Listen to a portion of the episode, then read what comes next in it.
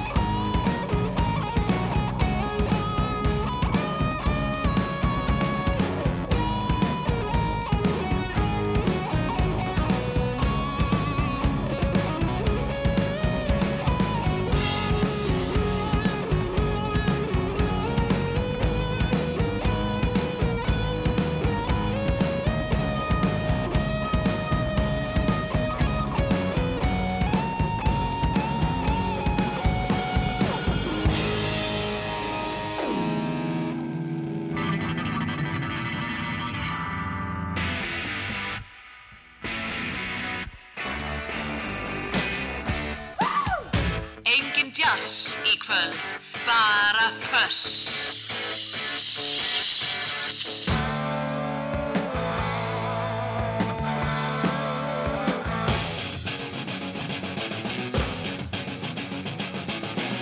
Þetta er Fuss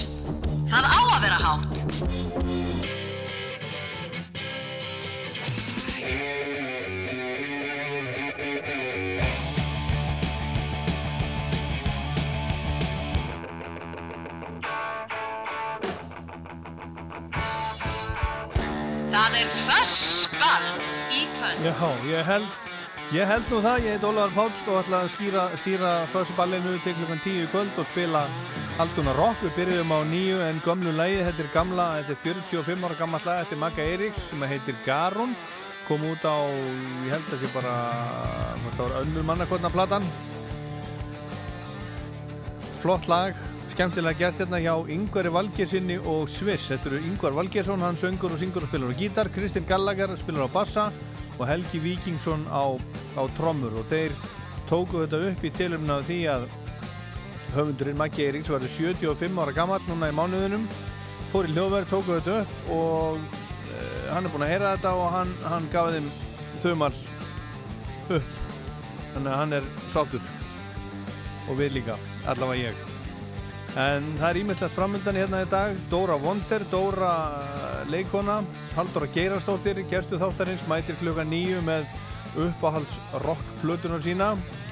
Og við ætlum að spjallum um eitt og annað. Við ætlum að tala um hún leikur til dæmis Bubba Mortens. Hún er eina af þeim sem að leikur Bubba Mortens í síningunni Nýju líf sem að, sem að borgarleikur setti á fjallinnar núna uh, í vor eða vetur áður en allt lokaði vegna COVID. Ég sá, var svo heppin að sjá inn á þessum örfóðu síningum sem að, sem að voru síndar áður en að allt skall í uh, skall í lás.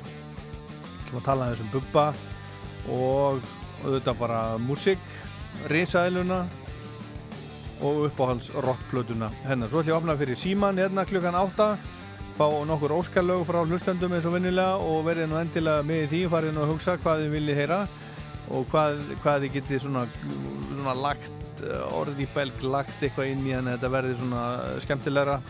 Allt saman, kvöldið og þátturinn. Og svo er það plata þátturinn sem ég spila þrjú lög af.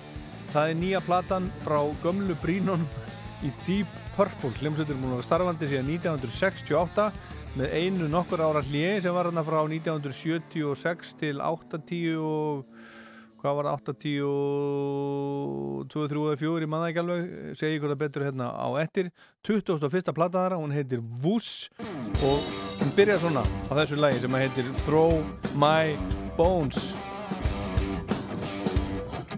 Já, svo fáum við lag frá vini þáttarins og ímest að flera I don't know what lies ahead. It's all a mystery, man. I heard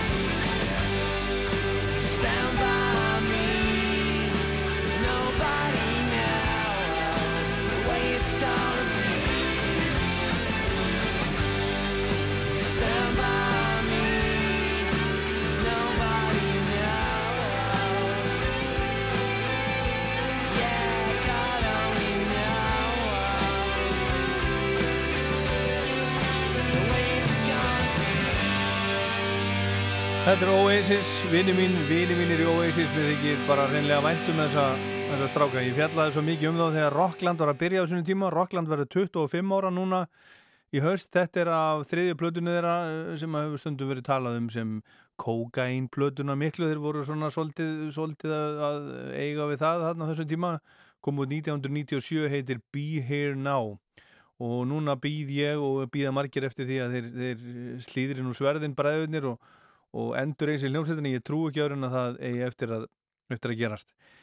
Í gamla daga var, var óskaplega vinsal hljómsveit sem að hétt Small Faces og þeir gáði þrjálfblöður Small Faces 1966 svo kom önnum platan 67 og þriðarplatan Odgens Nut Gone Flake 1968 svo hættuður og hljómsveitin Faces var til og svo komuðu saman aftur hlutaðum 1977 og þeir gerðu, þeir gerðu uh, þrjálfblöður tvær plötur segi ég eftir þetta. Og þetta lag sem var að enda með Oasis heitir Stand By Me. Ég ætla að spila lag sem heitir Stand By Me Stand By You með Small Faces af síðustu plötunni sem þeir gerðu sem heitir 78 in the Shade. Og þarna, var, þarna voru þeir Steve Marriott, Kenny Jones og Ian McLagan. Ian McLagan hljómbótsleikari sem að sem ég sá spila með Billy Bragg á Glastonbury einhvern tíman í ganla daga fyrir svona rúmu 20 ára síðan og ég tók við hann svolítið viðtal og hann var mjög, mjög skemmtilegur. Mjög skemmtilegur, Ian McLagan og hérna eru þeir félagarnir Small Faces 1978 Stand By Me, Stand By You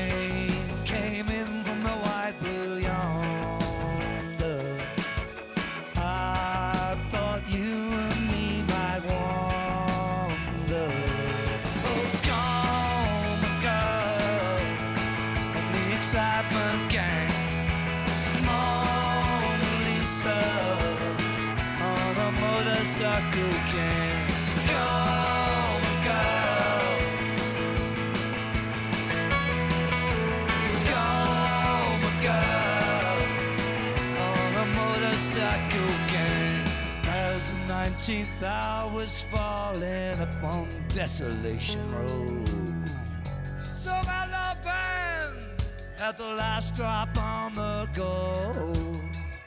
Let's siphon up some gas. Let's get this show on the road. Said the coma girl to the excitement gang. Into action, everybody sprang our drums were beating out too lang, too lang.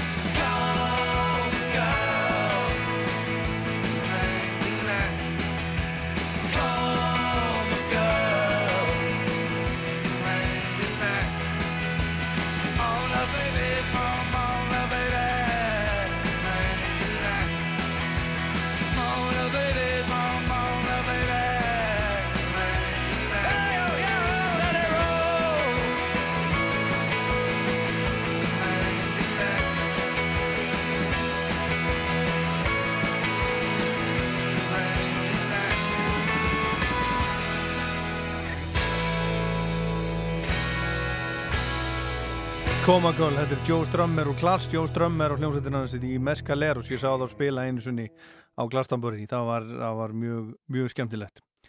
Og glemanlegt og næsta lag ætla ég að spila. Ég hef spilað áður í þessu þætti. Mér langar að spila það aftur. Mér finnst bara einhvern veginn að öll lög ætti að hljóma nákvæmlega svona. Ef að öll lög væri líkari þessu lagi þá væri heimurinn miklu, miklu, miklu, miklu, miklu, miklu, miklu betri. Þetta er frá 2005 sænska hljómsveitin Helicopters I'm in the band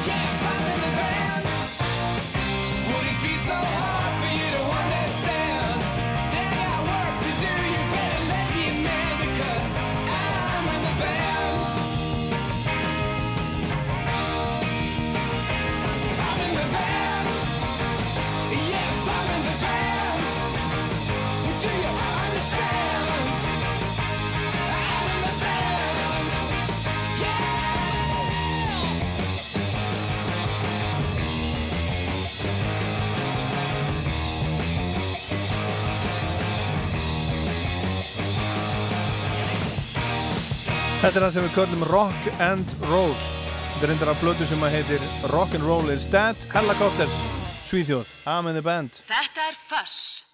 Það á að vera hátt.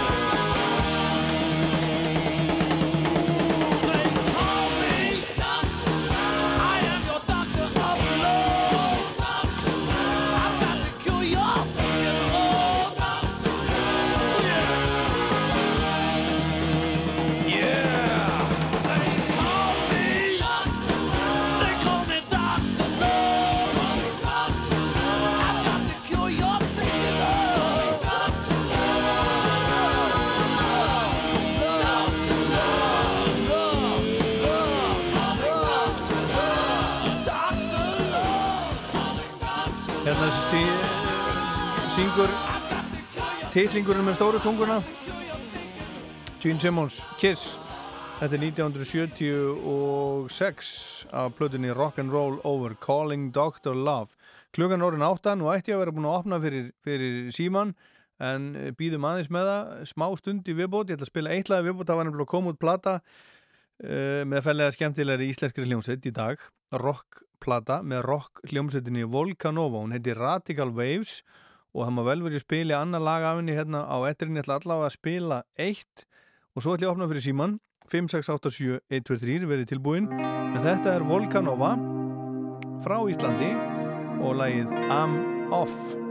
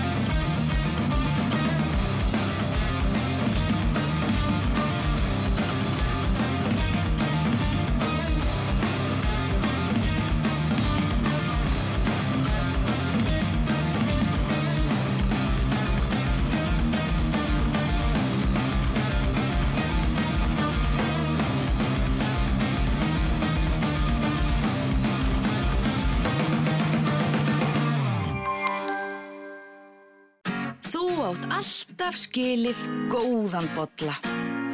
Te og kaffi. Komdu í sund og skelltu þér á sapn í heilsubænum Hafnarfyrði. Við tökum vel á móti þér. Krosslímdar timbureiningar, stittri framkvæmdatími. Svansvottuð framleysla. Element.is Eldað eitthvað gott í kvöld. Holtakjúklingur. Grunnur að góðri máltíð. Líf mitt gjör breytist eftir að ég egnaðist mína fyrstu brendrúpkeru. Nú á ég þrjár og svo fjórða á leiðinni. Kondu bara í bílanust. Sársöki er ekki eðlilegt ástand. Áttu rétt á slísabótum. Tort. Innheimta slísabóta. Málum innanlands í sumar. Slippfélagið. Við höfum málað með Íslendingum í meirinn 115 ár. Spínat er ofurfæða. Ef það er alvöru spínat. Allt um alvöru spínat á holtogott.is Holt og gott. Vertu með allt saman hjá Nova. Eitt verð fyrir ótakmarka net heima og í öll snjalltækin. Farsíma áskriftin fylgir og þú sparar þessi líka lifandi spísna peningum. Nova. Stærsti skemmtistaður í heimi. Baðaðu þig í gæðunum í sturtu frá Tengi. Gæði þjónusta ábyrð. Það er Tengi. Útsala tölvulistans er í fullum gangi. Alltaf 50% afsláttur af yfir 1000 tölvuvörum. Tölvulistin. tl.is Leitið til löggildra pípulæningamestara. Félag pípulæningamestara. Sérð ekki út? Við sendum frítt heim. linsubúðin.is Ef ert með Lotto appið í símanum þá hefur hefnina með þér hvar á landinu sem er. Eða bara heima. Lotto. Appið okkar. Mikið úrval af Apple fartölfum. Epli, laugavegi 182 og smáralind. Engar tímapantanir í smur. Mættu bara á svæðið. Smurstöðin klöpp við vegmúla. Viðskiptavinir sjóvá sem eru tjónlausir geta fengið endurgreðslu einu snú ári. Gerum tryggingar betri. Sjóvá. Helgartilbúðin eru mætt. Kíkt inn á kjörbúðin.is. Kjörbúðin. Látt verð. Alla daga. Hugsaðu um gæði og endingu. Hildarlausnir í utanúsklæðningum. Áltak.is. Ál er okkar mál. Við erum föss.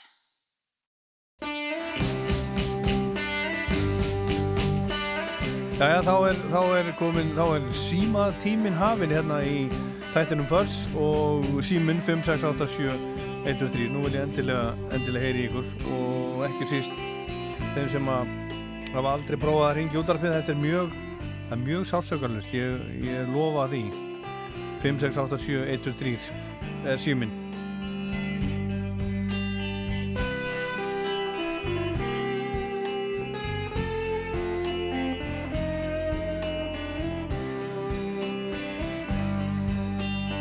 Nú, já, já, á maður bara gera þetta einn enn í kvöld.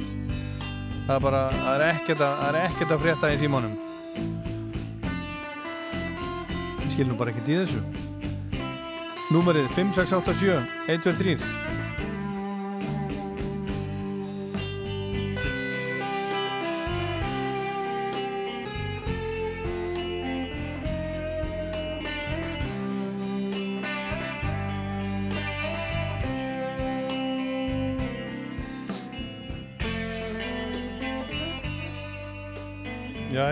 gerast eitthvað lóksins.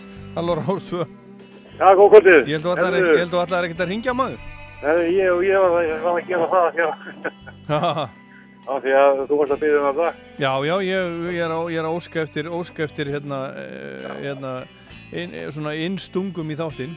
Já, er það af því að þú ætlar að spila með ný, með Deep Purple og þá langar til að heyra lag sem að ég hef heyrt ekki svo lengi. Það er hérna Ennivor Stóttir af, líki bara Fireball-putunni held ég. Já, þú vilt heyra meira Deep Purple. Ég ætla að spila sko þrjú lög á nýju plötunni ef að, að, að, að fá líka á Fireball. Já, já. Hvaða lag segir þú? Ennivor Stóttir. Já, já, já, já. Það er að eitthvað- svona country skoti líka með. Já, já, já, já. Herðu, og hvað hva heitir þú? Herru, ég heiti Örlugur. Örlegur, hvaðan þetta ringja? Ég er hérna, ég er bara að vinna hérna á fljóstasérðar núna, akkur þess stundur á. Já, já, hvað er þetta að gera? Ég er að bleita veg. Þú veist að bleita veg? Af hverju? Já, Af hverju maður því það? að- að Það var að vera heflan í dag, þetta er balavegur. Að Já, já, já, já, já, já, allt í fína. Herðu, gangið er bara vel. Heflist takk. þér vel. Já, takk. Já, takk, bless, bless. Ok, bless. Nei, bleitist þér vel. Halló, Rástu. Blessaður, kitti hérna vídjum, þetta er engi þessu, engi vildi ringja. Já, það er bara svona stundum. Stundum það maður að vera, stundum það maður að hvetja ekstra mikið. En ég heyri illa í þér. Það er með brókapnum svo físbakki, sko. Já, ég heyri nú illa í þér. Já, fyrir ekki að það bara hækka á röddina þess. Já, hvernig væri það? Hversu, þú Já, heitir, bara hækka bara röddina. hvað heitir þú? Ég kitti vídjó, hérna. Þetta er Kitty. Kitty Já, mér dætt fyrir að slá að þrána til því. Hvað er að frétta? Er allt svona svipa bara. Já, e, Já, já. þú ert ekki með neina vídeolegu lengur er það? Nei, nei, nei, en, en hún er öll sem er til ennþá. Vídeolegan er, er ennþá til? Já, já, hún er bara geim. Já, ég hitti menn í dag, norðmenn sem að voru að leita að hérna, kallakórin Hekla, er hún til? Já, já hana. Þú átt hana? Á, Já. Er, á, átt hana á Vaff á S eða DFFD? Já, hún er bara vaffa þess, held ég. Já, já, já, ég veit ekki hvort að nú er ekkert að fá Vaff á S tæki maður og meiri segja sko það er ekkert að fá varaluti í þetta eins og ný. Nei, hvað segir þú? Ég var heppin, ég var bara að sapna með nóga tækjum. Já, á, já, áttu tæki, mér vantar nefnilega kannski tæki sko. Já, já, þú veit það. Já, ég hef kannski samband við þig. En Kitty. Mm. hvað á ég að spila fyrir þig? Já, ég var bara sniður og byrjaði að sapna þessu löngu áður. Já, gott þig maður. Já, ekki. Guð sé lof það- fyrir menn eins og, menn eins og, eins og, Kólum. eins og þig, Kitty. Guð sé lof fyrir menn eins og þig. Já, einmitt. Herðu, en hvað er að spila? Já, ég veit ekki, með þetta eitthvað bara að taka eitthvað með hljóstinni sleit. Passar það ekki inn í fættjáðu? Það passar algjörlega inn í sleik. Er það ekki? Jú, jú. Og Ég hvað, treysti, ég treysti þér að, velja eitthvað svakalega gott lag með sleit. ég ætla að skrifa hérna, sleit svakalega gott. Já. Og svo kemur það í ljós og eftir hvað það verður. Já, já, já. Já. Við, við, við, við eigum að hafa eitthvað svona spennandi. Spennandi. Já, er það ekki? Spennandi, ég ætla, ætla að bæta því við, spennandi. Já, já, sjá, Spennandi, það þarf að vera spennandi líka. Ég finn eitthvað gott á eftir. Já, já, bara stingti þið bara inn á milli, skilur við. Já, já, já, já, það kemur. Herðu, takk Ég að fylgja kjærlega. þetta ofta og hlusta á því á kvöldi. Já, takk fyrir það, hérna, Já. og takk fyrir að hringja. Já, Geti, takk, takk. Síminn 5687123. Hingi þarna, hver er þarna? Halló Rástu. Óli, Já, velkomin til starfáttur. já, þakka þið fyrir. Gaman að hýra þér. Er þetta Selfoss? Já, hver heldur þú? Ha, Nákvæmlega. já, Mér já. finnst vanta smá metal. Smá metal, ok. Uh, það er hljónsveit sem að ég hef verið að kynna mér með því, uh, heiti Zigzag, skriða með seta. Hvað sér Seta og svo hvað, ég þekki þetta ekki. Nei, Zig, S, uh, seta í G og svo seta A-G-S. Seta I-G.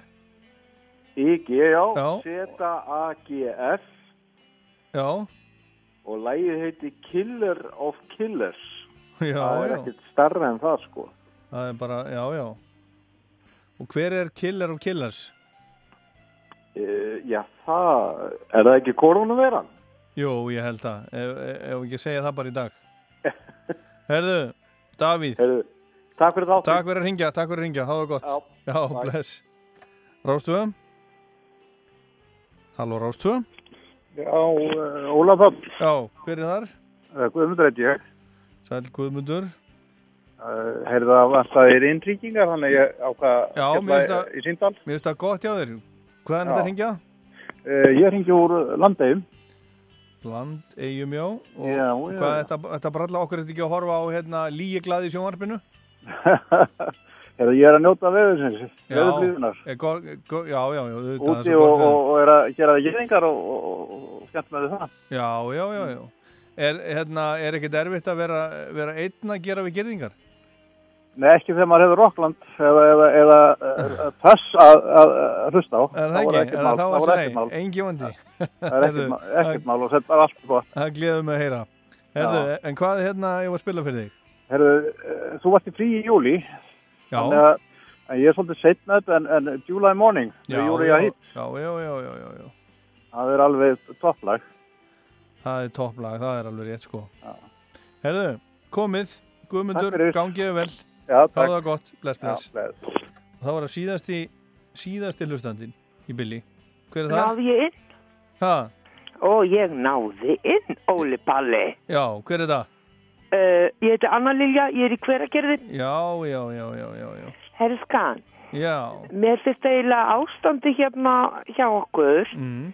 með síðan 19 vera svolítið svona Dragon Attack. ha, já. Dragon Attack. Já, Ok. með Queen, já. Já, já, Dragon Attack með Queen. Mm Já, já, já, já. Verum bara góð og skynsum. Já, og hvernig, hérna, hvernig gerum maður það? Uh, maður heldur mannhelgi. Mannhelgi, Já, eins og fórsetin sagði. já, Mér finnst það miklu sniður heldur fjár, fjarlæðar takmörk. já, mannhelgi, bara, bara hver. Já, bara, bara fyrir sig, vera ekkert að frussa á annað fólk, vera með hendur í vösum, jafnvel. Já, neini bara að æpa hendurnar. á fólk fyrir geði, ég gæti smitað ef þú kemur nær mér. Já, já, Eitthvað svo leiðis. já, mannhelgi. Uh -huh. Herðu, Dragon Attack með Queen, þann kemur hérna, hérna rétt á eittir. Gott út komin aftur, Kat. Herðu, takk fyrir kærlega að ringja, hérna, Já. um, þekkir þú Já. lagið Hells Bells? Ég hugsa það. Me, veistu mjög hvað hljómsveit það er? Nei. Hells Bells ACDC en hérna er það já, spilað já, ok. hérna er það spilað af Hayseed Dixie Ok, Það það, samt er spennandi. já, það hljóma svona Heru, Gerum þetta saman, far vel með þig. sömulegðis, takk fyrir ringja Já, bless, bye. bless. þessi hljómsveit hún spilaði á NASA fyrir svona, ég veit ekki hvað er langt síðan 10 ár, getur verið með sér aðeins fleiri Rástvöð tók tónleikan upp og þeim hefur útvarpað þeir eru ge- geymdir vel í safni útvarpsins Hayseed Dixie og Hells Bells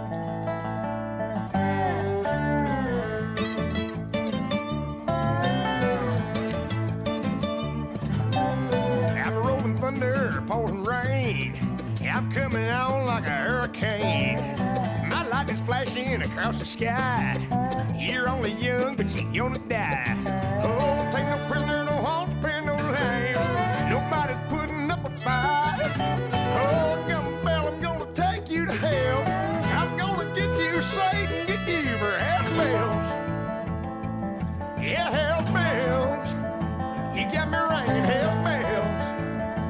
Temperatures high, hell bells.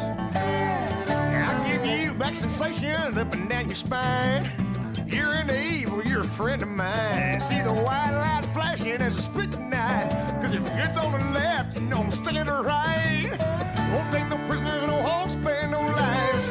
Nobody's putting up a fight. Oh, got my bell, I'm gonna take you to hell. I'm gonna get you safe, get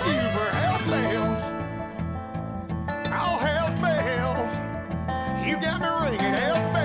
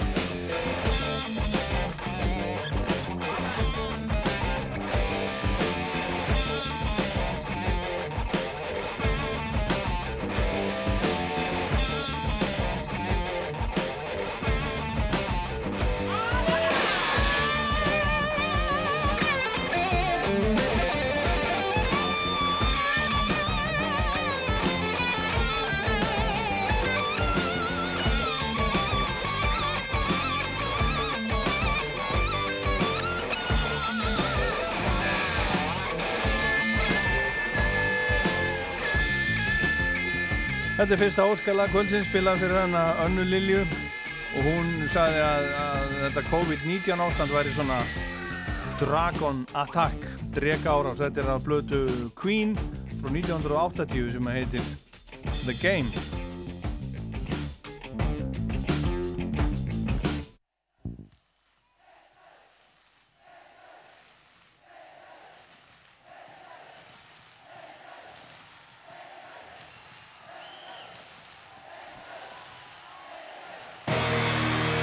Hér er verið að kalla Lizzy Lizzy, þetta er, þetta er Thin Lizzy eða, eða Tin Lizzy eins og þau segja í, í, í Dublin, Dublin.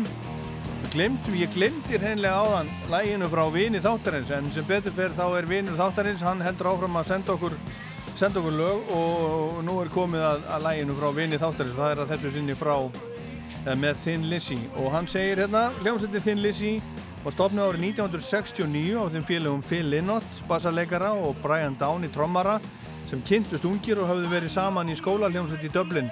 En reyndar var Lynott fættur í Englandi en þegar hann var ungur í skóla þar var hann fyrir kynþáttaníð en hann var kynblendingur. Móður hans var frá Írlandi senda hann til foreldra sinna sem að byggu í Dublin þegar drengur var um 10 ára og þar ólst hann upp hjá afa sínum og ömmu Þeir félagar fengur til liðsvísi frá Norður Írlandi gítarleikaran Erik Ball og Erik Rickson, hljómbótsleikara, en hann hafði spilað með hljómsveitinni Them, en hann var í þinn lýsi í nokkra mánuði og spilaði inn á eina litla plötu með sveitinni árið 1970.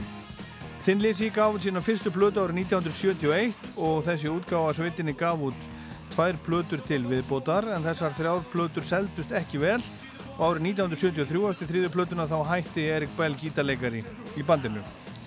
Reyndar höfðu þeir gefið út litla plötu 1972 með læginu Whiskey in the Jar, írska slagaranum og það komst inn á topp 10 á vinsaldalistanum í Breitlandi og vakti tölverðan áhuga á þessari hljómsveit. Árið 1974 komu tveir gítarleikari inn í bandið, þeir Scott Gorman sem var Amerikani og skotin Brian Robertson og fjórða platan kom út í november 1974 og með sjöttu blödu sveitarinnar Jailbreak slóðu þeir í gegn og voru eitt vinsalasta tónleikabandið á, á þessum tíma. En þeir þóttu frábærir á tónleikum. Árið 1978 kom út liveplata með þeim Live and Dangerous og er mest selda platan þeirra og svo sem að komst lengst inn á breska listan eða alla leið í annað sæti. Þetta er lagið Jailbreak sem við heyrum hérna, hérna undir. Og þessi útgáfa sveitin er yfirleitt talinn svo besta. Það er Linnott, Downey, Gorman og Robertson. En svona var hún skipu frá 1974 til 79 og Thin Lizzy starfaði til ásins 1983 og var alltaf talið mikið gítarband og leitói sveitarinn hafa alltaf verið bassaleikarin og söngvarinn Phil Lynott og meðal gítara sem að komu við í sveitinni frá 1979 þegar Brian Robertson hætti eða var rekinn. Uh, hann fór í, í Motorhead. Voru meðal annars Gary Moore sem átti síðar góðan soloferil Snowy White sem spilaði setna með Roger Waters bandinu. Og John Sykes sem að síðan fór í Whitesnake allt saman eðal gítarleikarar. En mikið sökk og svall engjandi feril sveitarnar og ymsir vandraða gangur fylgir, fylgir svona lífstíl og lokum hætti bandi árið 1983 en 1996 endurreistu þeir Scott Gorman og Brian Downey hljómsveitina og hún starfar enn í dag og Gorman sá eini sem er í bandinu í dag af, af gamla bandinu. En leiðtói sveitarnar Fyllinótt gafu tvær sólarplötur eftir að bandi hætti 83 en hann því miður eins og allt og margir frá þessum tíma hann su sukkaði sig Six Feet Under og dó árið 1986 aðeins 36 ára gammal og núna er, er stitta í, í döblin af, af Fyllinótt og, og Írar eru mjög stoltir af, af sínu manni. Og þegar ég fór uh, og sá U2 spila í Slein Kastala fyrir utan Dublin sömari 2001 saði Bono á sviðinu síðast er við spilum hérna þá vorum við að hýta upp fyrir Thin Lizzy. Þannig að þetta var stórt og, stórt og mikið band og það sem að vinur þáttarinn sem velur fyrir okkur með Thin Lizzy er lag sem að heitir Rosalie og innan svega Cowgirls Song. Lægið er eftir Bob Seger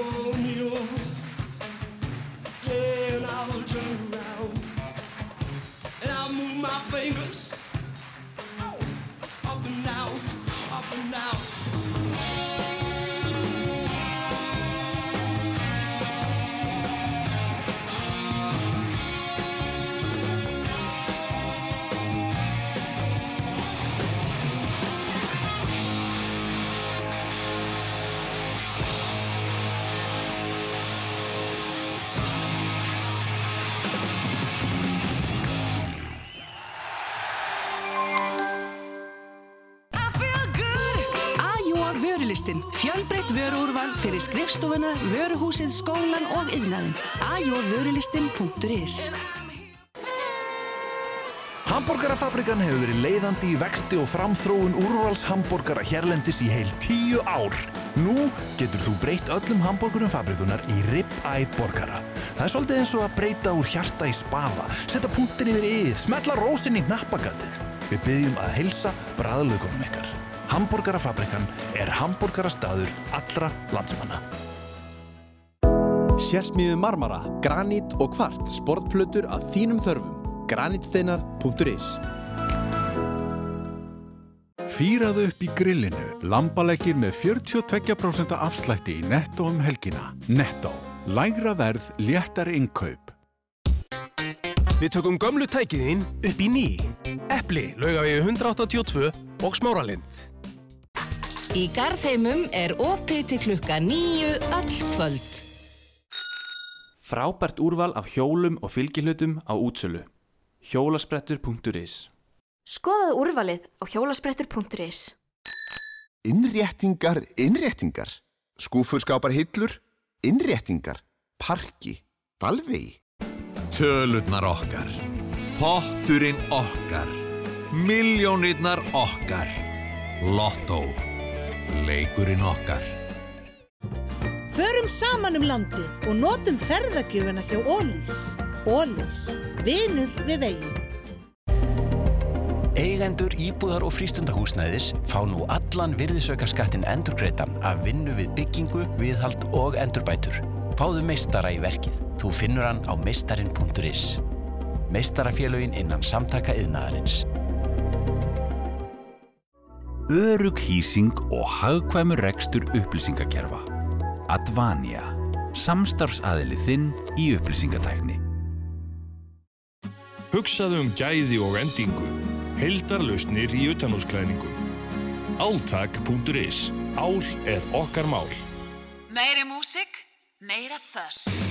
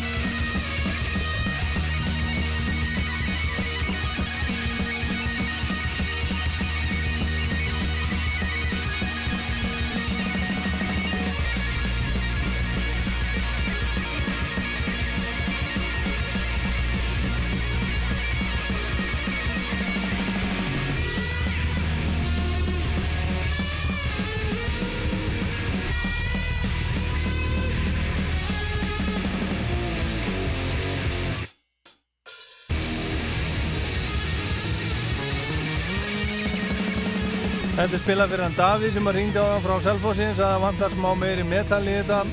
Sig, Sax og Killer of, of Killers og fleiri óskalög.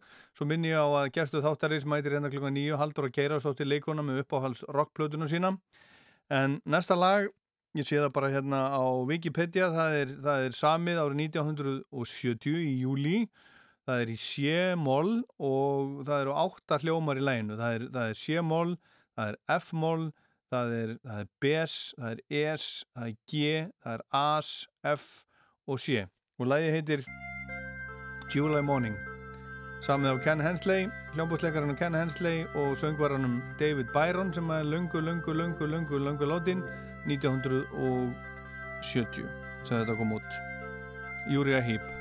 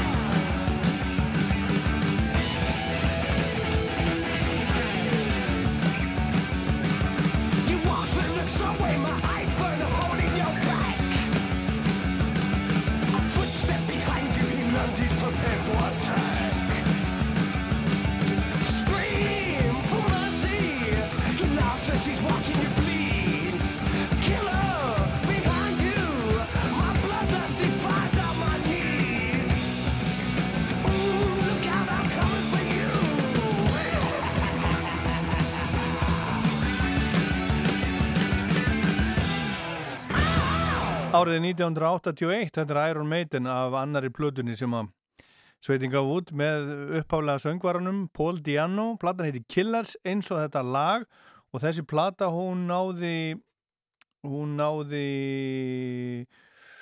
12. sæti breska vinsældalistans á sínum tíma 78. sæti í, í bandarækjunum og svona þeir voru að koma sér þarna á, á kortið Iron Maiden og þetta var í gamla daga, við förum ennþá lengra aftur í næsta lagi sem er, sem er óskalag fyrir hann Örlig sem að ringdi hérna áðan.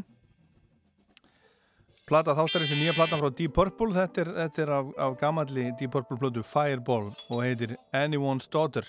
Þetta er frá 1971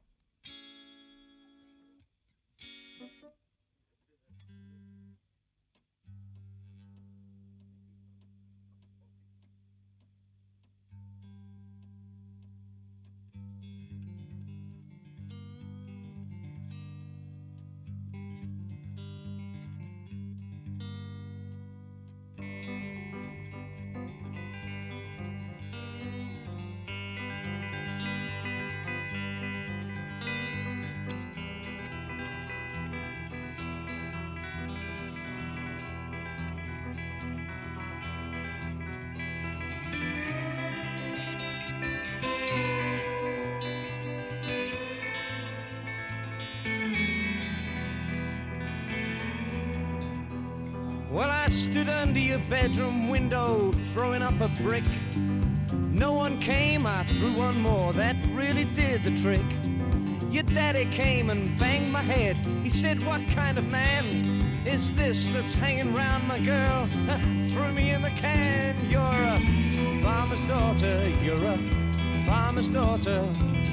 Why do I always get the kind of girl I didn't ought to get? I won't get no more and water. Now I've laid the farmer's daughter.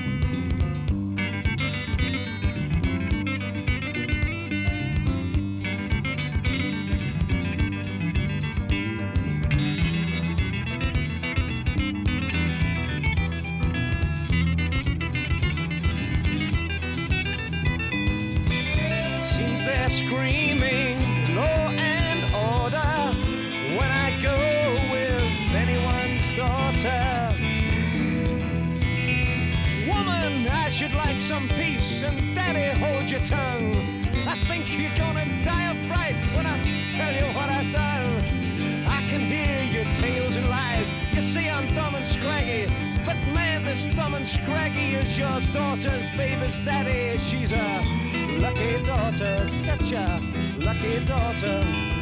Why did I always get the kind of girl I didn't want to get? Now I've got what I've always fought for.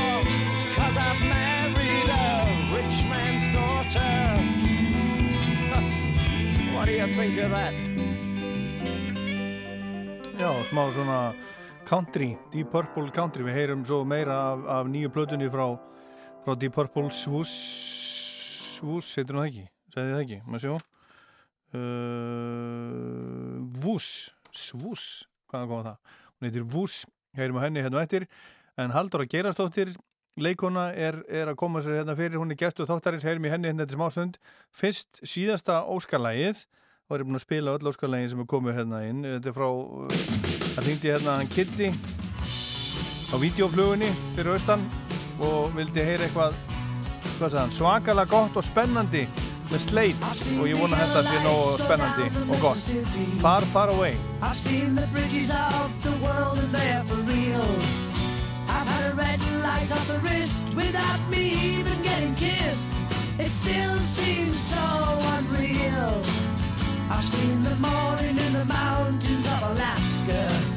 I've seen the sunset in the east and in the west. I've sang the glory that was Rome and passed the hound dog singers home. It still seems for the best. And I'm far,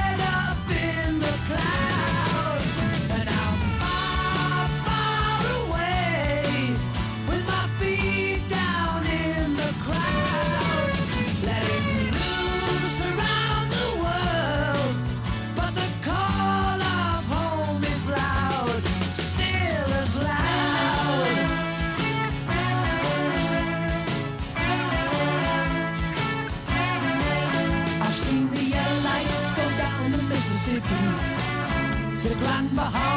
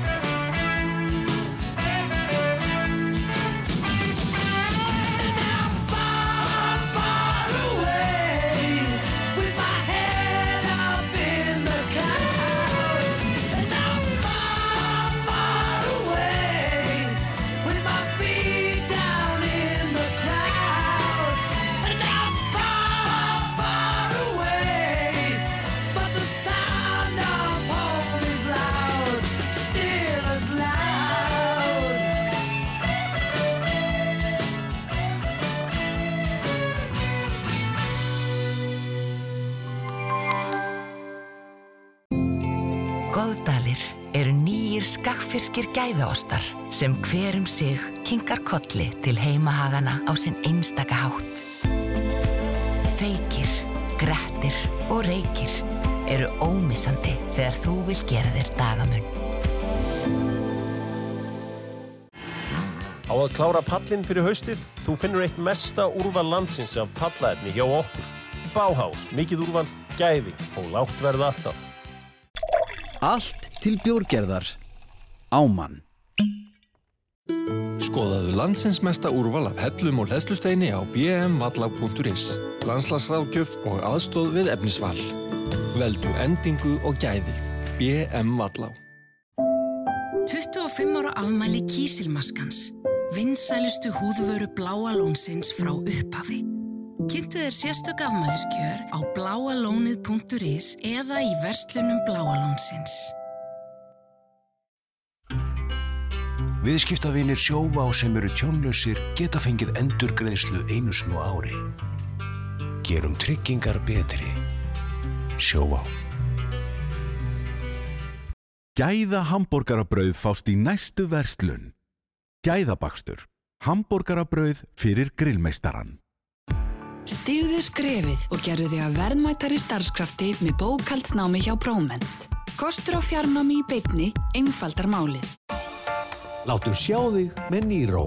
Þessi umhverfismildi bíls er einstaklega rúmgóður og fáanlegur sem hreinn rafbíls, plug-in hybrid og hybrid.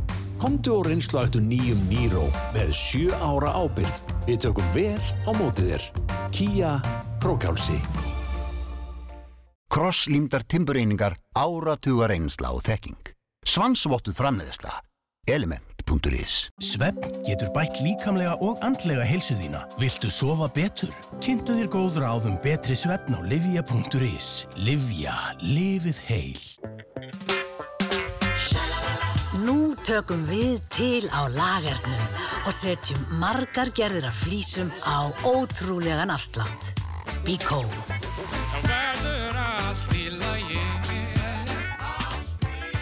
Það er kósi kvöld í kvöld. Þess. Já, þetta er þátturinn Föss og gerstu þáttarins er komin, Dóra Geirharsdóttir, Halldóra Geirharsdóttir leikona. Mm Dóra Wonder. Kondur er sæl, jú, Dóra Wonder. Ertu stundum kölluð það þá? Já, allir sem að þekkja mig svona af mentaskóla árum og Já. þekktu mig þegar ég var í hljómsveitinni, Rísæðlan, þeir eru með eitthvað, er, já, þeir, þeir kalla mig Dóra Wonder. Hvaðan kemur þetta Wonder? Æ, þetta var nú bara eitthvað sko, í serjóspökkum var hérna Wonder Woman sem að braust út úr fangelsi, verið svona bláum galla. Uh, Er þetta þaðan? Já, þetta er þaðan. Ég vildi ekki vera Wonder Woman, heldur Nei. Wonder Girl og svo tók ég Girl í burtu og var bara Já, Wonder. já. Og kallaður þetta, og sagt, þú kallaður þetta sjálf. Já. Ég er Dóra Wonder. Dora the Wonder Girl skrifaði ég í, sta í strætóa þú veist, ég átti túslitt og skrifaði þetta í strætó varst- varst í því, svona, svona kró, króta í strætó. mm þannig ég túsaði Hvað, þetta hvað finnst Dóru í- um það í dag? Um svona, svona, Æ, svona það kroti í strætó? Já, það er svona náttúrulega svolítið leðilegt að því ég veit að þarf að þrýfa það en þetta er náttúrulega samt einhvers konar tjáningar leið, Já. þú veist ég var einhvern veginn, einhvers stað var ég að reyna að vinka og láta heiminn sjá mig, Já, þannig ég verð ekkit reið þegar krakka gera þetta en það þarf náttúrulega segja við þau að þetta getur kosta samfélagið allt og mikið Já. og það verður betra að þau fyndu aðra leiðir. en hvað Dóra Vond er óþekk? Óþekk? Nei, hún er rauninni mjög still. Dóra er rauninni, en Dóra Wonder er samt með, leiði sér að vera með meiri orku og svona... Hen- læti? Já, hendur á sér hattinu myndi ég segja. Það streymir aðeins upp úr hausnum á henni, sko. Og, og fellir kannski gerðinguna stundum í kringu sig og svona. Uh, nei, ég var ekki beint óþekk. Nei, Ég sá okkur spila einu sinni, Rísæluna, Já. í fjölbrotaskólanum á, á Akranesi. já. Ég hef ekki þórað fyrir mitt litla líf að nálgast þessar, þessar rockstjórnur sem þið voru, sko. Já. Ah, Já. Þið voru bara eins og, eins og verur frá annari plánindu. Já, við vorum með rosa svona, Mikið sjó, þú, þú með saxofónin, já, magastína með fiðluna. fiðluna. Og svo strákarnir hann alveg... Þið voru svona skrítið, skrítið band. Og ég sagði, vá, hvað þetta er sk- eitthvað sérstætt, það er töff. Já, já við vorum, uh, við vorum uh, rosalega orkumikil og algjörlega frábært tónleikaband af því að það var svo mikið hérna, við erum náttúrulega algjör dansfíbl bæði, bæði ég og Magastína Mhm. og mikið leikliði, okkur fannst bara svo gaman Já. og metnaður okkar uh, var held ég á öðrum stað heldur en hjá mörgum öðrum hljónstum sem voru já, metnaður okkar var náttúrulega við vorum, urðum öll að vera sammála um að lögin væri góð, Aha. þú veist að því að allt er búið til saman, það er enginn sem álaglínu eða áneitt í Nei, þið risaðelunni, voru bara saman. allt saman En hvaðan kom þessi músík? Hvaðan kom þetta sound? Þetta er svo, er svo sérstætt, sérstætt sound. Ég vei, við náttúrulega, við erum uh, pöngarar og við hlustum, vorum á tónleikum, ég menna, Tóti var náttúrulega í vombriði og, og Siggi var í trúðunum og Ívar var í hljómsveit sem ég man ekki akkurat núna hvað heitir.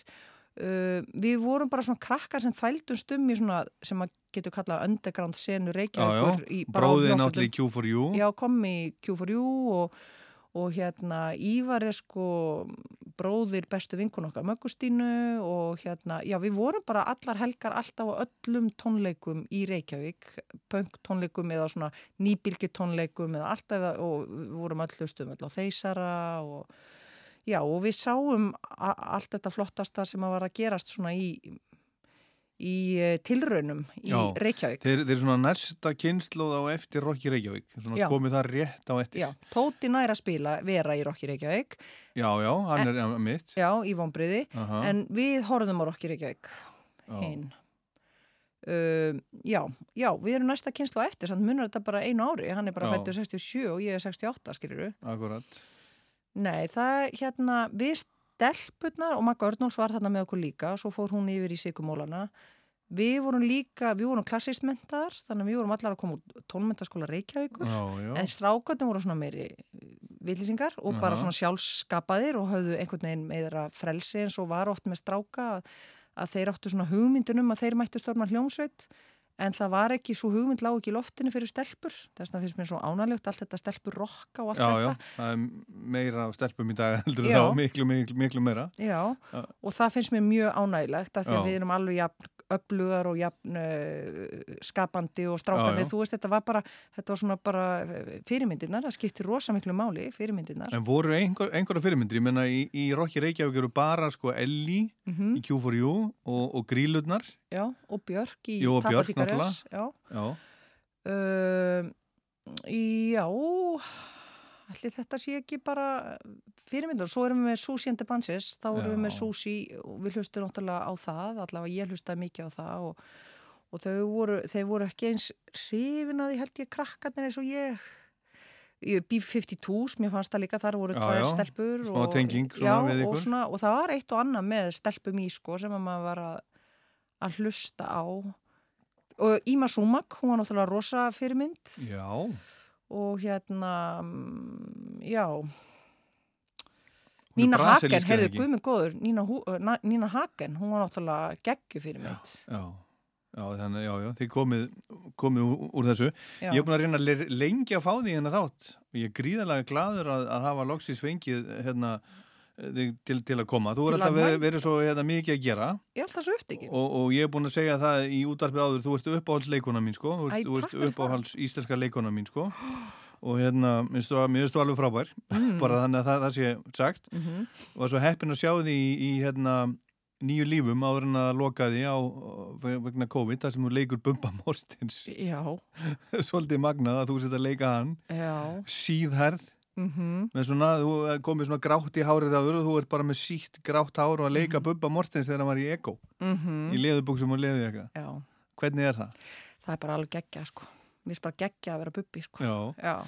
En þú sagðir einhverju viðtali sem ég sá við ábyggilega hjá Gíslamartin að þú verður að leika Bubba í raun á þeim tíma þegar þú svona uh, Fílaðan minnst. fílaðan minnst, bara, bara pissaðar á hann Já. Það var eitthvað sko þegar hann sko hætti í utagarsmönnum eða utagarsmenn rákan, sem, Já, hvað sem er satt í því, eða hvernig sem það var, allavega örgulega eftir bara í hvaða skapi fólk er, hvernig það er.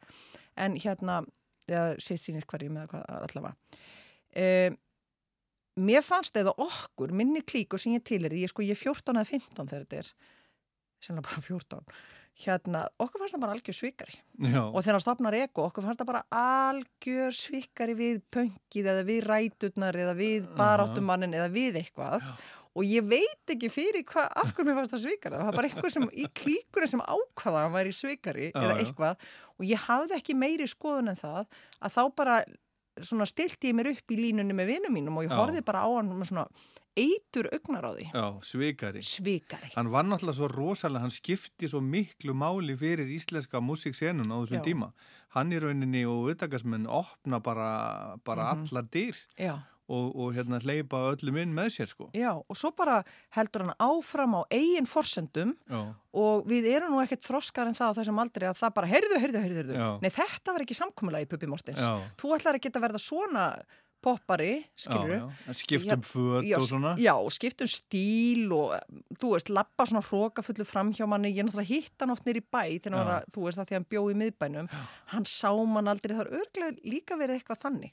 Hann var náttúrulega fullur af sjálfum sér á þessum tíma, á ekotímanum. Hann Já, náttúrulega bara út og kókaður og rugglaður og kannski skinjaði það að það vantaði hann einhverja einhverja mildi eða fegur eða ég veit ekki en svo á hann þetta allt og mér finnst eins og fjöllin hafa vaka finnst mér algjörlega þegar ég hlusta á það núna sem fullorði manneska minnst alveg magnað hvað streymir í gegnum það lag sko. Já. Syngur þú það, það í síningunni? Já, ég syng það í sýningunni. Þú syngur það í síningunni? Já. magnað, magnað lag. Mhm. en, svo, en svo heyrir maður, sko, maður heyrir þessa, þessa sögu. Ég er nú búin að vera, vera aðdáðandi líka bara síðan ég var, sko, 11 ára. Hann var alveg gjörlega bara mitt ædol, sko. Mhm. Og svo maður heyrt svona sögur eins og það, það hafði sambandum með kona fyrir nokkrum árum sem maður vildi segja með sögu á hennum. Þá var það þannig að að hún átti són, þetta er ásett í ekotímanum, hún átti són sem að hafði, hafði lamast í mótjónaslýsi Já, og hún vildi gera eitthvað til þess að gleðja svona sinna var að fara að fermast já, og hún spurði hann, ringdi í hann og hafði hann með löngu fyrirvar og spurði hvort að hann væri kannski til í að koma og gleðja sonennar hennan lamaða son sem var komin í Mhm. hjólastól skilur 14 ára gamall Mhm. Hvort hann væri til að koma í fermingaveislinu bara og gera eitthvað, bara heilsu upp á hann eða syngja eitt lag eða, eða eitthvað Mhm. og, og hann segir hann að hafa samband við sig aftur svona þegar, þegar nær dregur Mhm. og svo bara var ekkert mál og hann mætti og með egoið og þeir spiluðu bara næstu því klukkutíma já, sko Bubbi er með gullhjarta Já, Þú veist, þannig að, þannig að e, alla grímurna sem hann, hann hefur sett á sig til þess að verja það viðkvæmasta í sér sem er að því að gull er svo mjúkt, sko. Mhm. Að hérna, ég skil það allt núna en þegar ég var 14, þá var ég bara alveg brjál út í hann. Já. En þess vegna fannst mér mjög fallegt að fá að leika þennan og mér finnst líka gott að sé kona sem leikur þennan kapla í sögububba Já. að því hann er svo eitraður á þessum tíma að kallleikari getur ekki leift sér eins mikið eins og ég eins og hvern leikar, þannig að Já, þetta er um manneskjuna en ekki um kallmannin bubba Já, já. þetta er um manneskjuna bubba hann var náttúrulega miklu vinsællið þarna í, ego heldur en Mhm. með utangarsmenn nokkuð tíma, hann var náttúrulega rosa, rosa, rosa stjarnar Já, það náttúrulega strauk mér Já. og mínum vinum alveg öfugt. Já, já. Við sem vorum svona, við, við vorum svona eh, sem jaðarsettum okkur. Já. Þá var hann bara svikar að fara inn í hérna mainstreamið, sko. Herðu, áður en við förum upp á alls rockplötuna þína sem að þú, þú komst með, þá skulum við heyra bara ego og fjöllina á vakna. Má ég, má ég segja, áður þið hlustið á það, það er nefnilega það sem ég átta mig á því ég hlusta á lægi og var að undirbúa mig fyrir sýninguna, er að hann veit ekki einu sinni að hann er að skrifa um misnótkunna sem hann hefur svo sagt frá setna í þessu lægi. þú veist, fjöllin eru bara kerfið sem við búum undir og reglurna sem leggjast ofan á okkur og sannleikurinn er kristallin sem liggur þarna undir sem að verður bara þjættar og þjættar og þjættari og þegar ég, og það tók mér langa tíma að því, að því ég átt að syngja og ég hafði aldrei alveg ná sambandi við lægið en þegar ég var að undirbúa fyrir síningu þá náði ég fyrir mig að krakka mig inn í textan og skilja hvernig undir vitundans þrátt fyrir kókaini og rugglið er samt sem áður að tegja sig út úr hans einsta kjarna og mesta sársöka og tegja sig upp til hinnana og, og ná sambandi við sköpunarkraftin sem er það sem hefur bjargað buppa og það er ekki allir sem eiga þessa lífs, lífsreynslu eins og hann uh, sem að uh, hafa tækifæri eða hafa hlutið gæfu til að tegja sig upp í sköpunarkraftin og láta samt sem áður streyma í gegnum sig sko. Þannig skilja lægi, þannig að þú hlustar á textan með þetta í huga þá heyrur hann öðruvísi.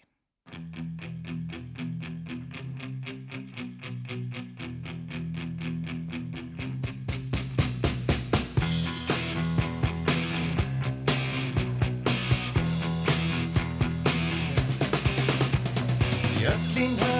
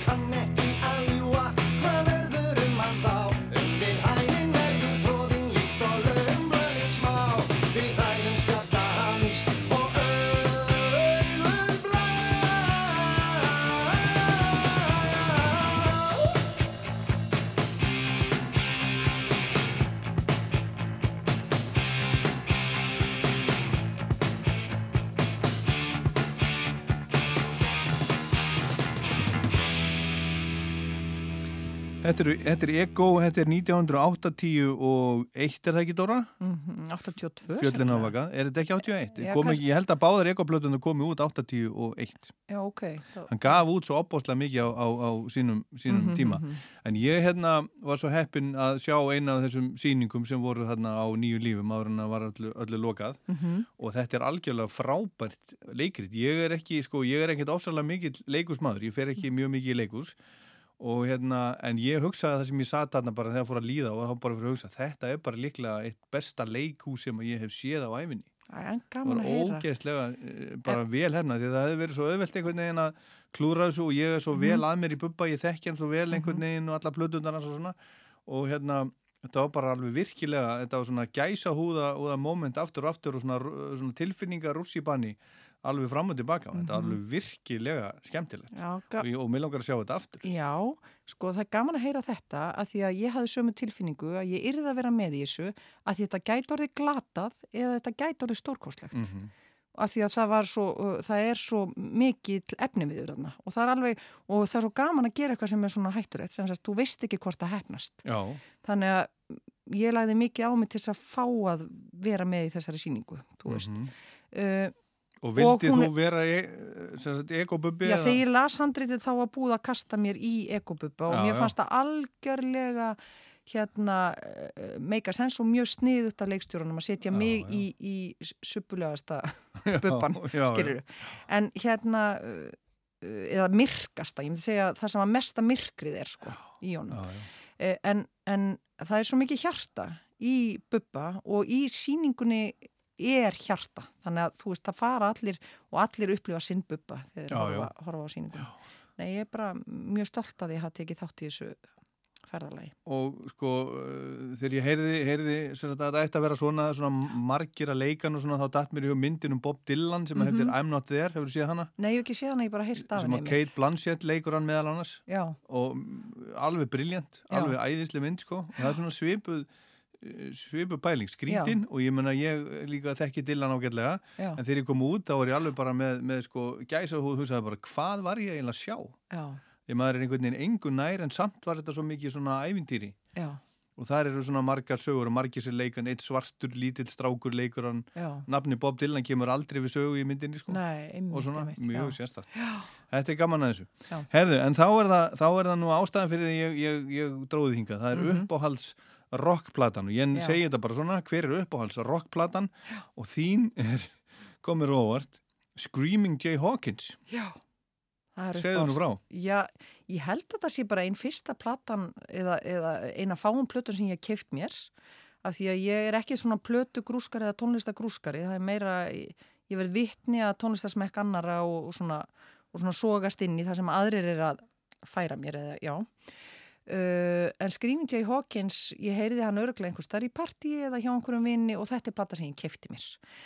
Það sem ég átta mig á náttúrulega er að hann er svo uh, það er svo mikið leikhús í þessu. Já, já. hann er svona eins og Jacques Brel og Nina Hagen og, og fleiri, hann, hann er einhvern veginn bara orkan hans er 170 skilur og bara þú veist hann er alltaf þú veist hann er og eins og Íma Sumak og þú veist eh, ég er mjög hrifin af tónlist eða, og á þessum árum sérstaklega þar sem að eru dregna svona stórar línur og svona stór og ég var ekki mikið fyrir gítarsólu mér leittist uh, allt þetta ACDC og þú veist ég tengdi enga við, við það, það dót, ekki? sko, nei, mér varst það ógeðslega leðilegt okay. en þetta um leiðu það er einhver svona ég upplýði einhverja fantasíu í honum og eins og heima, eins og sprengi þakið inn í að þú veist að komum bara stjörn, ég sé bara stjörnuljós og, og hauskúpur og uh, þú veist, já, mjög mikið leikhús Já. í rauninni í Screaming Jay Hawkins Mhm. uh, þegar geisladiskarnir komu það Já. er þegar ég er svona tvítug eða eitthvað svo leiðis, ég, ég, hugsa, ég kefti þessa plötu í Berlín þegar ég er 17 ára uh, þegar hérna þegar uh, geisladiskarnir komu og allir er að skipta út vínilinum þá held ég eftir fimm plötum og Screaming Jay Hawkins var ein af þeim Já. allar hinnar fóru í kólaportið eða góða virkilegt? Allur vínillin. Sér þetta í dag? Nei, nei, ég Nei. meina maður getur ekki svoleiðis Nei En hver eru hérna fjórum? Ég hugsa að það hafi verið risælplötunar tvær Já. og þessi plata og nú mann ég ekki hvort það var hérna B-52s og hérna Já, og nei, ég held eftir einhvern klassískum flautuplötum. Af því að, það? að því ég lærði á blokkflötu og þverflötu áður ég fór að læra á saxofón. Já, ég held já. eftir einhverjum svona James Galway plötum. Í alvöru? já, sem að, að vinkura mín þólur ekki. En svona bíd- panflötu er Og barokk blokkflötu er að, já, já. En hérna, en sko, en, en talandu saxofón og blokkflötu, þetta er allt, uh, þetta er náttúrulega svona... uh, Sama fingrasetning. Nú, þetta er sama fingrasetning. Já. Ég lærði nefnilega á klarinett eins og ný. Já, það er, Mjög lélugur. já, það er öðruvísi. Þú skipti á klarnettinu bara um leið og ferði upp á annar registir þá byrjar strax að breyta. En saxofónin er í rauninni átt að vera einfölduð útgáfa af klarinetti Nú það. en varð til nýtt hljóðfæri. Þú veist þannig að eh, sá sem að bjóti fyrsta saxofónin var að reyna að búa til klarinett sem að gæti verið í lúðraljónsveit Já. en væri ekki úr tré. Að því að, því að tréð þóldi svo illa veðrabreitingarna þegar, þegar, þegar hljónsveitir fóru út að spila. Já, Flautan gata því að hún var komin yfir í málum en klarinettið þannig að hann bjóð til uh, hérna málum, klarinett var, en það var til nýtt hljóðfæri sem er saxofónin. Já, þetta vissi ég ekki. Nei, og þá einfeldaðist líka, það eru tvær áttundir með sömu fingrasetningu á saxofónin eins og er á þerflutunni og hérna, Já, já, eins og er á þerflutunni. Spilar eitthvað á saxofón í dag eða þörflötu? Heyrðu, nú er ég komin í hljónsveit. Þegar Ég, Já, hvað hva heitir hún aftur? Hún heitir Látún. Látún með Halli. Já, Halli Ingóls og trommur Já, og, og Eirikur Stefensen sem var í Júpiters, hann er Aha. með mér þannig og... Já, þú varst í Júpiters. Nei, hann var í Júpiters, hann Eirikur Já, Stefensen uh, og hérna, já, þannig að, og var í ringjum með komabróður. Já, já. Þannig að hérna, já, þeir eru svona, og svo Geli, hann er aftur móti kvikmyndaframlegandi félagi minn og spilar á klarinett og saxofón. Já, og svo eru þarna Solveig Moravek uh, og uh, Sævar, hann spilar á trompet og Fjalar á túbu. Og hvað er það að spila? Við spilum uh, mest frumsamda tónlist, mikið eftir Eirík, uh, líka eftir hana Solveigu og eftir Sævar og Fjalar, eða Fjalar er með útsetningar. Já, við erum að spila svona, hvað heitir þetta, Kla, klats, klats, eitthvað svona, Kletsmer? já, eitthvað svolega. Þetta er náttúrulega sex lúðrar Já. og eitt trómari. Svona, svona austur, svona austur uh, evróst eitthvað. Já, en... En, En samt alíslenskt og Já. Reykjavík City. Já. Er En- það að syngja? Nei, lítið, eitthvað svona, lo, lo, lo, ekkert, Já. en ekkert engin svona, nei, engin Og hafið spilað eitthvað? Já, við höfum spilað eitthvað, við erum búin að taka upp uh, nýju lög fyrir plötu, eða ekki plötu, sérst, fyrir eitthvað og ætlum að spila núna á menninganótt eitthvað, byrtast einhver stað en það var allt flautað af, Já, já. vorum með tónleika í stúdentakjallaranum í fyrra vetur, eina, en þegar ég fór sérst í listaháskólan, var profesor þar, þá í fyrsta skipti gæti ég hætti að vera í leikhúsinu hálft árið, ég er bara í leikhúsinu hálft árið og í listaháskólanum hálft árið, Já, þá já. gæti ég í fyrsta skipti eh, farið að spila aftur, sérst að Já, já. að þá get ég mætt á æfingar á kvöldin annars er ég alltaf að leika á kvöldin Já, já. og þá hugsaði nú get ég átt áhuga mál og þá fór ég í, Í hljómsveit Já, gott, gott hjá þér. En hérna, eh, áður en við heyrum fyrra lægið, ég mér er svo- gaman að, að tala um sí, síningun og spubba. já, já, um bubba Hérna, um, sko, nú er þetta, nú er þetta sami hópurinn á baku þessu síningu og var með Elli, Já. sem var 200 síningar þegar ekki. Jú. Hvað myndur þú giska á að þetta eru margar síningar? Ef, að, Já. ef allt kemst í lag Já, ef við já. megum fara í leikus. uh, Heldur þú náðu ná 200 síningum? ég veit ekki, ég held að verða allavega hundrað uh, svo, þú veist, eins og Mamma Mia og, og Mamma Mia fór undir upp í 140 Billy Elliot 100 ég veit ekki, ég veit ekki hvort við spring það sem var með Ellie var að hún var mjög ljúf, það komu mj- mjög margir mjög oft og svona, það var svona eldri kynsla sem hefur tíma Mhm. til að fara oft Já, já. Ég veit það ekki En nú að Bubbi er náttúrulega aðdándar á svo, á svo sko, á, á breyðum já, aldrei aldri, sko, þannig að það er, þú veist, ég menn hann er sjálfur að vera 60, og- 65 ára. já, já, hann er kannski ekki alveg með aðdándur inn á elli heimilunum en kannski á hann aðdándur ég þar hugsa það. já, jafnvel Alveg. hérna, ég, ég er rosaléli í að spá Já. fyrir hún svona en Þetta það sem ég varst fallegt að, er að, að sko 13 ára dóttir mín og 16 ára sonur sem að hafa engan áhuga bubba og hlusta lítið á tónlistýrunni þau voru algjörlega heitluð Mhm. og það var bara að spila bubbi heima hjá mér Já. alveg eins og þegar þau sáu sko Elli þá fóruðu að spila Elli heima Þannig að þetta er mjög mikil opnun líka inn í þessa kynslu og þeim fann sagan mjög áhugavert. Já, þetta er mjög áhugavert. Herðu, Screaming Hawkins, hvaða lag hefur að spila fyrst? Heyrðu, bara, ef ekki bara putta spelonjú, er það ekki bara þannig að allir, Ég held. Já. Það, að- það er svona, það er í lagi eina lægimunum sem ég þekki. Ég þekki Screaming Hawkins ekki mikið, sko. nei. Mér finnst það svo merkilegt þú þekkir hann ekki. Nei, ekki, að ekki væri þannig. bara- já, ég hef ekki hlustað ekki hlustað á hann. Já, já, það er svo skrítið þegar maður á eitthvað sem maður heldur að, að það hljóta allir Já, að kunna þetta að aftur og baka áfram. Já, svo bara hitti ég þig og þú bara, já, bara hissa. Já, við skulum heyra I put, put, a- put a spell on you. Já, múha.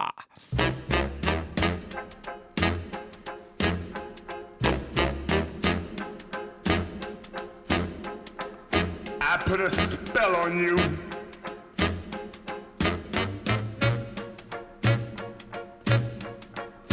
Because you're mine.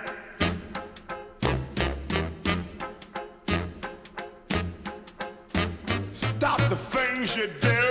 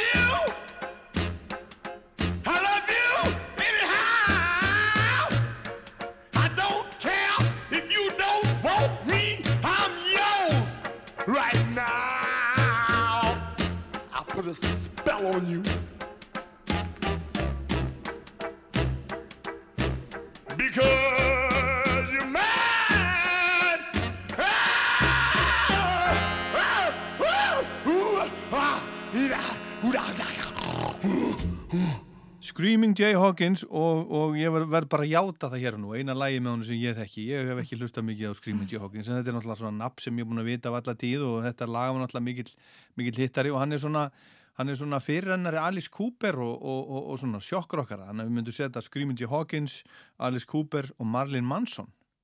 Svona sjokkrokkar. Já, einmitt. Eða svona í sviðslistarum eh, er, er talað um þá sem að eru íta orkunni sinni alveg út af mörgum.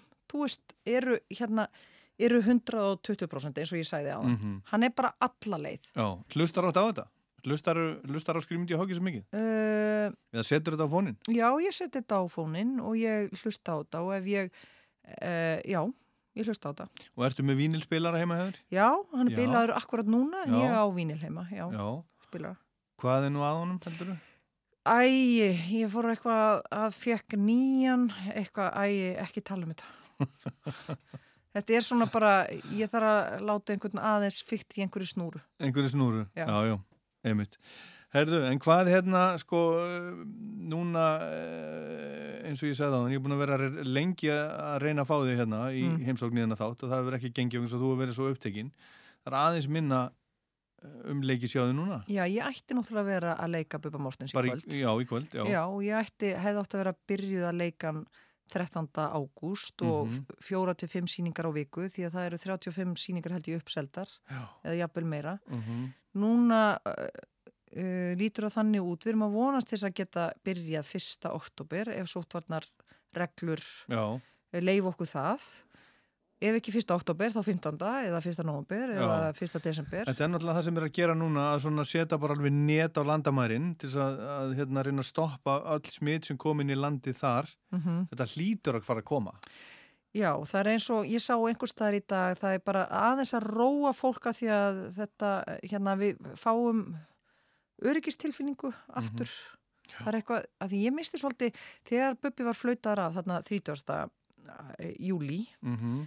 Að því ég held ég ætti að mæta á æfingu 7. ágúst og byrja, og ég er búin að reyna að halda mér í formi síðan við hættum 14. mars. Já, Að því að, að vera Bubbi Mortens tekur alveg rosalega orku. já, það er bara þannig. Já, það er bara þannig og ég er búin að vera í, með svona nettan kvíða eða vera mjög einbytt í því að vera tilbúin líkamlega já. til að gera þetta þegar kemur Þurftur að, sáttur. Ég er búin að vera alveg bara reglulega að halda mig í líkamlegu formi, vera hjá enga þjálfara, Já, þetta, ég meina, þú veist, ef ég á að geta keirt þannig að þessi nokkur lög í röð og gera það sem ég á að gera, þú veist, ég er orðin 52, sko, þá þarf, þetta er ekkert eitthvað sem ég bara stekki í, sko. Nei. Ég þarf að vera bara mjög einbytt í að halda í líkamlegt form til að geta gert þetta. Og mér finnst það ógæslega leðilegt en það er bara svo leys. og það er ósæðlega gott fyrir mig og Já. heilbrikt og allt þannig. Já. En ég væri alveg til í að vera bara í jóka sko. En ég þarf að gera meira en það sko. Uh, en svo þarna 30. júli þá bara misti ég algjörlega máttinn. Það er Og- bara þannig. Já, og ég var að byrja fyrst núna í þessari viku aftur að hreyfa mig. Ég bara, það var svona eins og að veri, þess að segja þetta með kvíðan eða búið til öryggistilfinningu fyrir samfélagið, sko. Þeir eru einhvern veginn held ég með landamærun líka einhvern veginn að loka þannig að við svona bara uh, þórum að fara að taka þátt aftur eða stíga út aftur einhvern veginn. Ég, æ, ég kann ekki alveg að skýra þetta. Tengir við eitthvað sem ég Já, er að já, segja? algjörlega, ég, ég skil algjörlega, en hvernig, en hvernig hefur þetta svona, þetta ástand farið, farið með því? Ertu, hérna, ertu eitthvað svona, fyrir þetta á, á sálinn á þér? Nei, í rauninni fannst mér, eh, sko persónlega, þá var COVID rosalega gott fyrir mig. Af því að ég er að vinna mikið og hérna, og vinna minn er oft svona, að, svona mikil orka út. Þannig að þetta var mjög gott fyrir mig til þess að setjast inn heima hjá mér og myndi mér svolítið á heimsreisuna sem ég fór í með fjölskyldunum mín að vera bara ég, maðurinn minn og tvö yngstu börnum mín heima, svo komu hinn börnin í heimsókn. En þetta var svona mjög nærandi fjölskyldulega fyrir mig.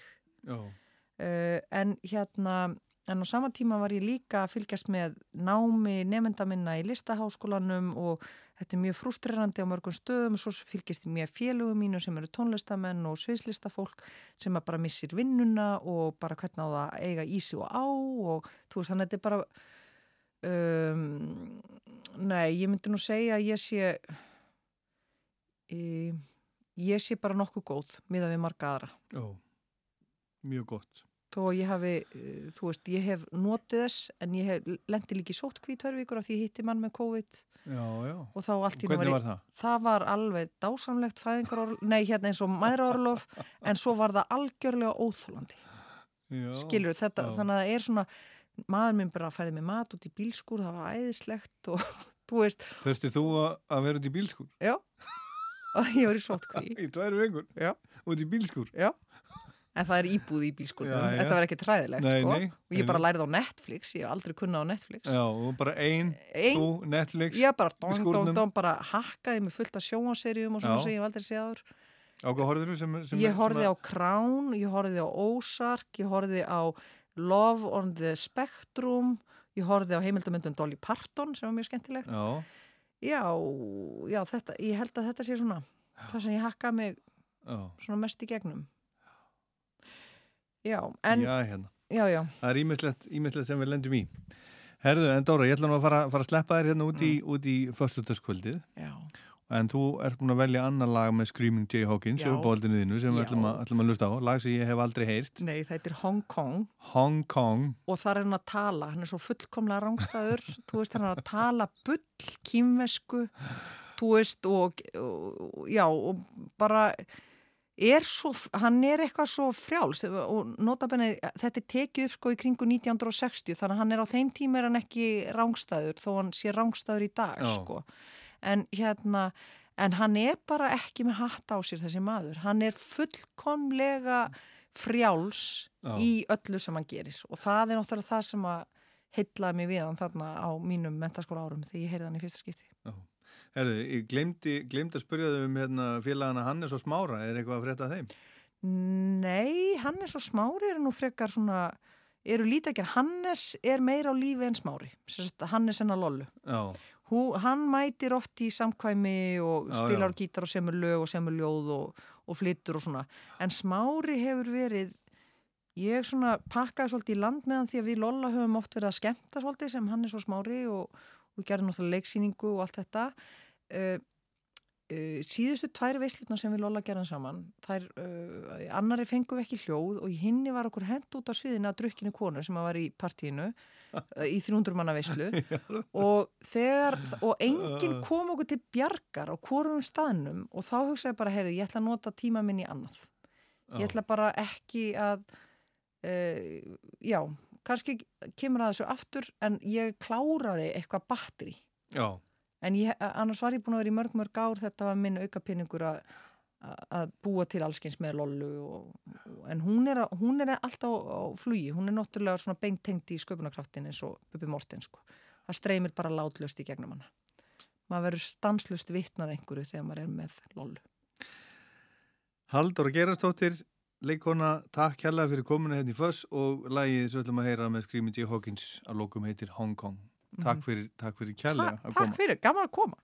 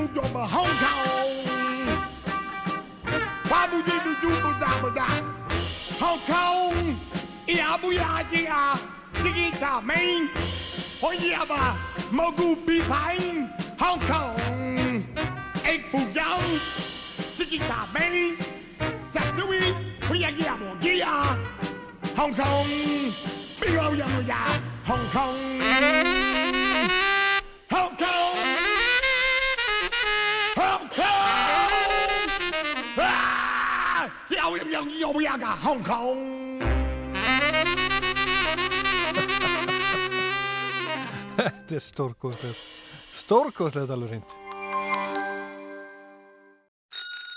Útsalan er hafin í hjólaspretti.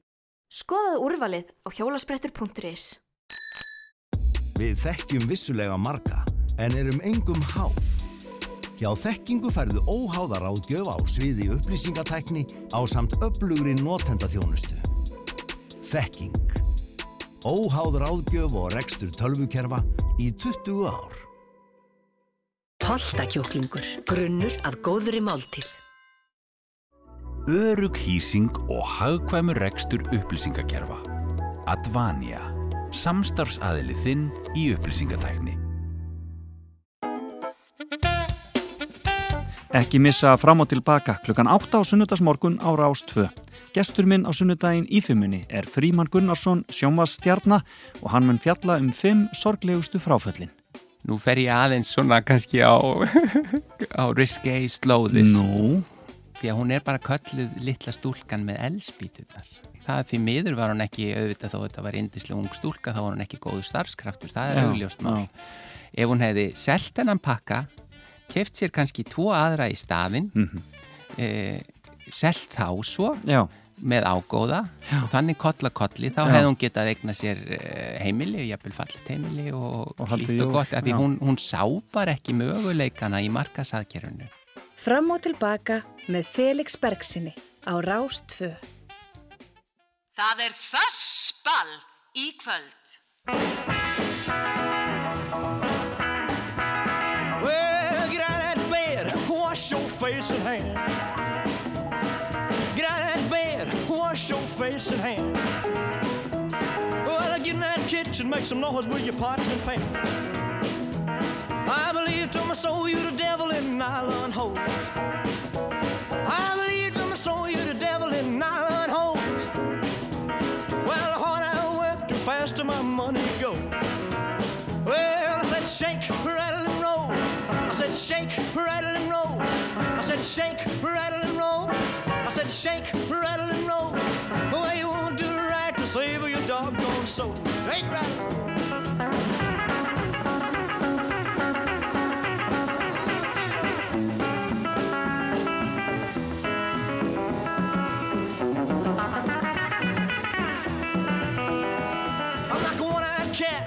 In the seafood store. I'm like a one-eyed cat peeping in the seafood store. Can look at you, tell you ain't no child no more. Well, you wear those dresses, sun comes shining through. Yeah, you wear those dresses, sun comes shining through. I can't believe my eyes, all that mess belongs to you. Well, I said shake, rattle and roll. I said shake, rattle and roll.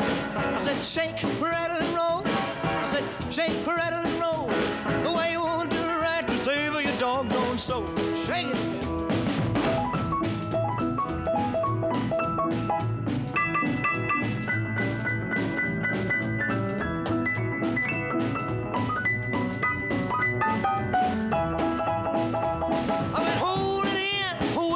Underneath.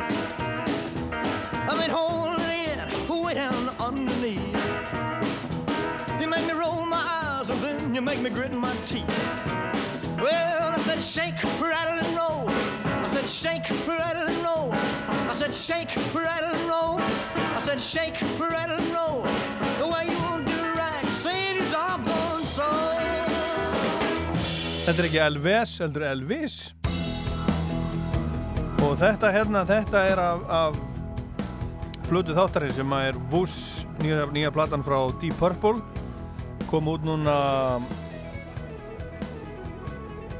núna í ágúst 7. ágúst upp, áttu uppáðlega að koma út í vor en útgáðinu var frestað vegna COVID-19 en Þetta er 21. hljóðversplata þessara lífsegur hljómsveitar sem er búin að vera starfandi síðan 1968 með einu hliði sem var frá 1976 til 80 og 4 og svo einu sem er eftir af upphaflega bandinu er trommuleikarin Ian Pace en þeir eru þrýr eftir með honum, með honum úr gullaldaliði sveitarnar sem starfaði frá 1970 til 75 og svo aftur frá 84 til 90 það eru þeir Ian Pace, bassarleikarin Roger Glover og söngvarin Ian Gillan.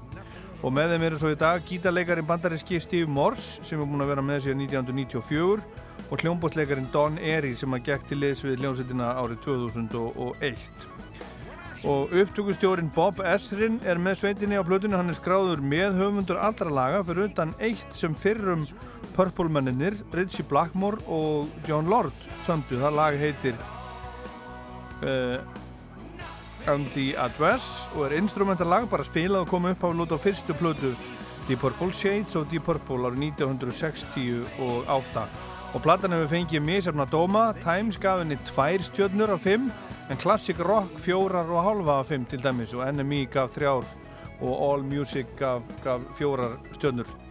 Það spila hérna lag af plötunni sem að heitir Drop the Weapon. Næst síðasta lagið í Fuss í kvöld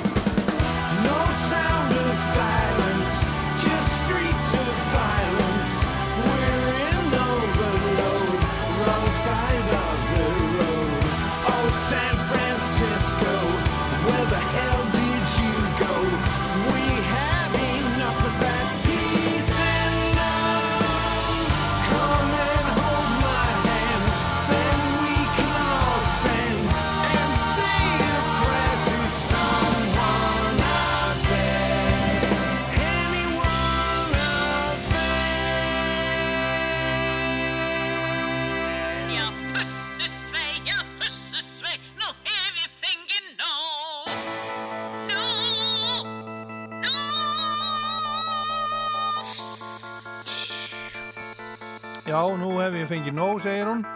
Og ég líka svona þannig lagað, ekki þannig ekki búin að fá neitt nóg, en það er komið að lokum. Föss í kvöld ég vona að þið séu ekki búin að fá nóg og séu ennþá að hlusta séu ekki búin að, búin að slökka auðvitað er þið ekki búin að slökka þeir sem eru að hlusta. Við þakka ykkur kærlega fyrir það að, að fylgja mér hérna í, í kvöld í þessu þætti. Ég þakka, þakka Dóru Vonder fyrir heimsóknina og skemmtilegt að spjalla með hana. Frábæð leikona skemmtileg kona bara. En ég hvið ykkur með The Who Won't Get Fooled Again. Ég er Ólaðar Páll, þetta var Fuss meira eftir viku